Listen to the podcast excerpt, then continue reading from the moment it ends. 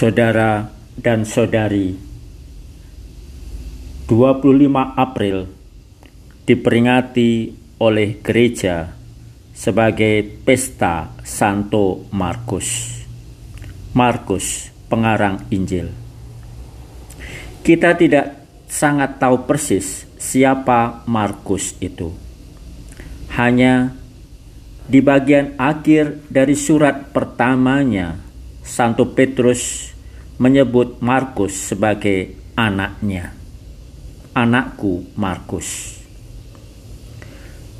Dalam tradisi, memang dikatakan bahwa Markus adalah murid Petrus. Tidak mengherankanlah kalau di awal-awal tradisi gereja disebutkan bahwa pewartaan Injil, pewartaan iman akan Yesus Kristus disampaikan kepada gereja melalui Markus dari Petrus. Pewartaan iman dari Petrus, rasul, disampaikan kepada gereja melalui Markus. Hal itu hendak mengatakan tidak hanya penggambaran Markus adalah murid Petrus, tetapi juga seakan-akan memberikan otoritas kuat kepada Markus sebagai pewarta Injil, pewarta iman akan Yesus Kristus, bahwa pewartaannya didasarkan pada dasar para rasul, terlebih Rasul Petrus, pemimpin para rasul.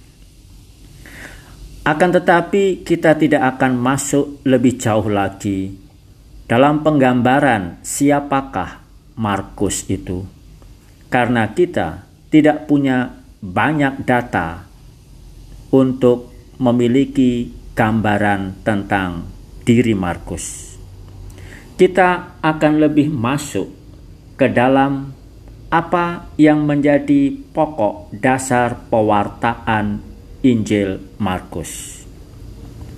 Injil Markus dikatakan sebagai Injil yang paling tua, Injil yang paling awal, paling pendek, dan Injil ini terutama mempengaruhi dua Injil sinoptik lain, Injil Matius dan Injil Lukas. Sehingga dengan demikian, Injil Markus disebut Injil awal, Injil pertama. Di dalam Injil Markus, kita tidak menemukan banyak tentang penggambaran identitas pribadi Yesus, karena yang lebih menjadi pokok perhatiannya adalah pengenalan akan Yesus sebagai anak Allah sebab di bagian awal Injil bab pertama ayat pertama Markus menuliskan inilah permulaan Injil tentang Yesus Kristus anak Allah. Itulah Yesus Kristus anak Allah. Maka kita tidak akan menemukan di dalam Injil Markus kisah tentang kelahiran, kisah kanak-kanak Yesus, sehingga kita tidak menemukan kisah tentang keluarga kudus Nazaret. Tetapi pewartaan iman akan Yesus Kristus. Dan dalam pewartaan iman akan Yesus Kristus itu, kita bisa mengkaitkannya dengan bagian akhir dari Injil Markus ketika Yesus mengutus para murid, "Pergilah ke seluruh dunia, beritakanlah Injil kepada segala makhluk."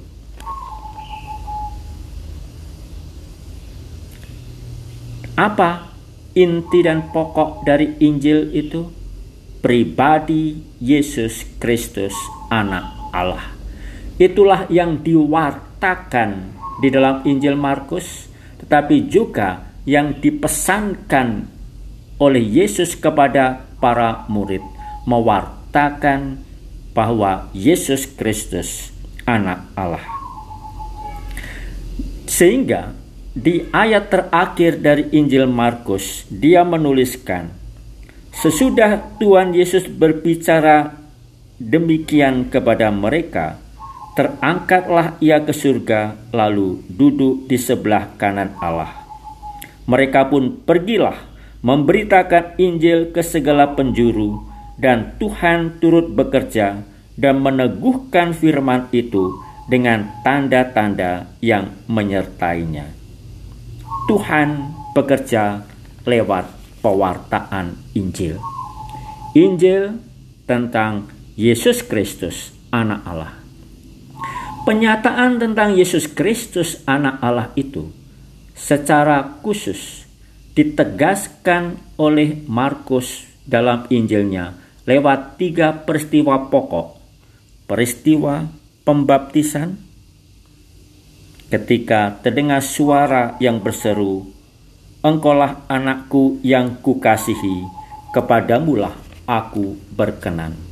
Peneguhan akan identitas Yesus, peneguhan tentang penyataan diri Yesus sebagai anak Allah. Dan penyataan akan Yesus Kristus anak Allah itu kemudian juga dilanjutkan lewat kisah penyataan Yesus di Gunung Tabor, peristiwa transfigurasi yang juga ada penyataan seruan dari surga yang mendengar terdengarnya suara inilah anak yang kukasihi dengarkanlah dia. Yang terakhir adalah pada saat Yesus disalib dan setelah dia wafat disalib lalu ada pengakuan iman dari prajurit Romawi yang mengatakan sungguh dia inilah anak Allah Saudari dan saudara kita diajak untuk melihat di dalam Injil Markus. Tiga ciri penting dari pewartaan Markus. Ciri pertama tentang kemanusiaan Yesus, ciri kedua tentang kepercayaan sebagai inti pengalaman kemuridan, dan yang ketiga pelayanan kepada orang lain. Tentang kemanusiaan Yesus, digambarkan bahwa Markus sangat bagus mengungkapkan sisi kemanusiaan Yesus. Lewat tindakan-tindakan kasihnya. Tetapi juga bagaimana aspek kemanusiaan itu digambarkan Yesus yang bisa bersikap sangat tajam kata-katanya.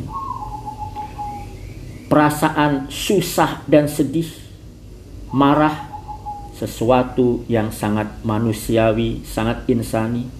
Tapi juga bagaimana misalnya dalam kisah Yesus membangkitkan anak perempuan Jairus, lalu dia menyuruh mereka memberi anak itu makan.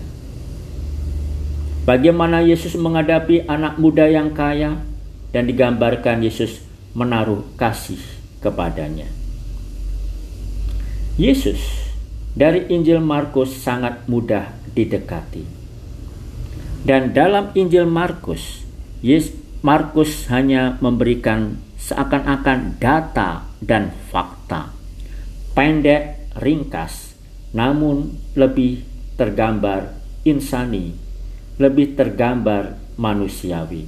Bagaimana ia mengalami kehidupan seperti kehidupan kita dan juga dengan segala kekecewaan, kegembiraan, dan kesedihannya. Yang kedua, Markus menunjukkan bahwa yang paling pokok dari pengalaman kemuridan, yang paling mendasar dari kenyataan menjadi murid Yesus adalah percaya. Maka Markus menantang kita semua untuk percaya secara radikal kepada Yesus. Dan itulah pengalaman kemuridan. Sehingga kita diajak lewat pengalaman para murid yang mengalami keraguan, yang mengalami kebutaan, yang mengalami kekurang percayaan sebagai bahan belajar supaya apa? Supaya kita menjadi semakin percaya, semakin memberikan diri dalam iman kita kepadanya. Dan pelayanan Yesus digambarkan oleh Santo Markus sebagai pelayanan yang berintikan pada kata cawan dan salib. Hamba yang menderita. Itulah penyataannya. Allah yang merendahkan diri menjadi manusia, melayani kita semua. Dan seakan-akan pelayanannya itu adalah pelayanan supaya kita menjalani hidup sebagai murid Yesus, juga menjalani hidup sebagai hamba, melayani, dan juga melayani dengan kasih sampai kepada aspek pengalaman salib. Dan kita bisa lalu menggambarkan bila demikian ringkasan dasar dari Injil Markus. Serahkanlah dirimu kepada Mesias yang menderita. Percayalah sebagaimana ia percaya, meskipun demikian kita mengalami keraguan, kesangsian, namun percayalah senantiasa. Bergabunglah dengan dia dalam melayani kebutuhan saudara dan saudari sampai kepada kematian. Saudari dan saudara, percaya. Maka pewartaan iman akan Yesus Kristus oleh Injil Markus digambarkan sebagai pewartaan kepada dia yang rela menjelma, menjadi manusia, mengosongkan diri sampai pada penderitaan dan salib. Supaya dengan demikian kita mampu mengenal dan percaya kepada Dia yang bangkit. Yesus itu adalah anak Allah maka kita diajak semakin memberikan diri kepada Dia dengan ikut serta dalam jalan salibnya supaya kita melayani sesama kita. Mereka yang membutuhkan mereka yang ingin merasakan belas kasih insani dari Allah. Tuhan memberkati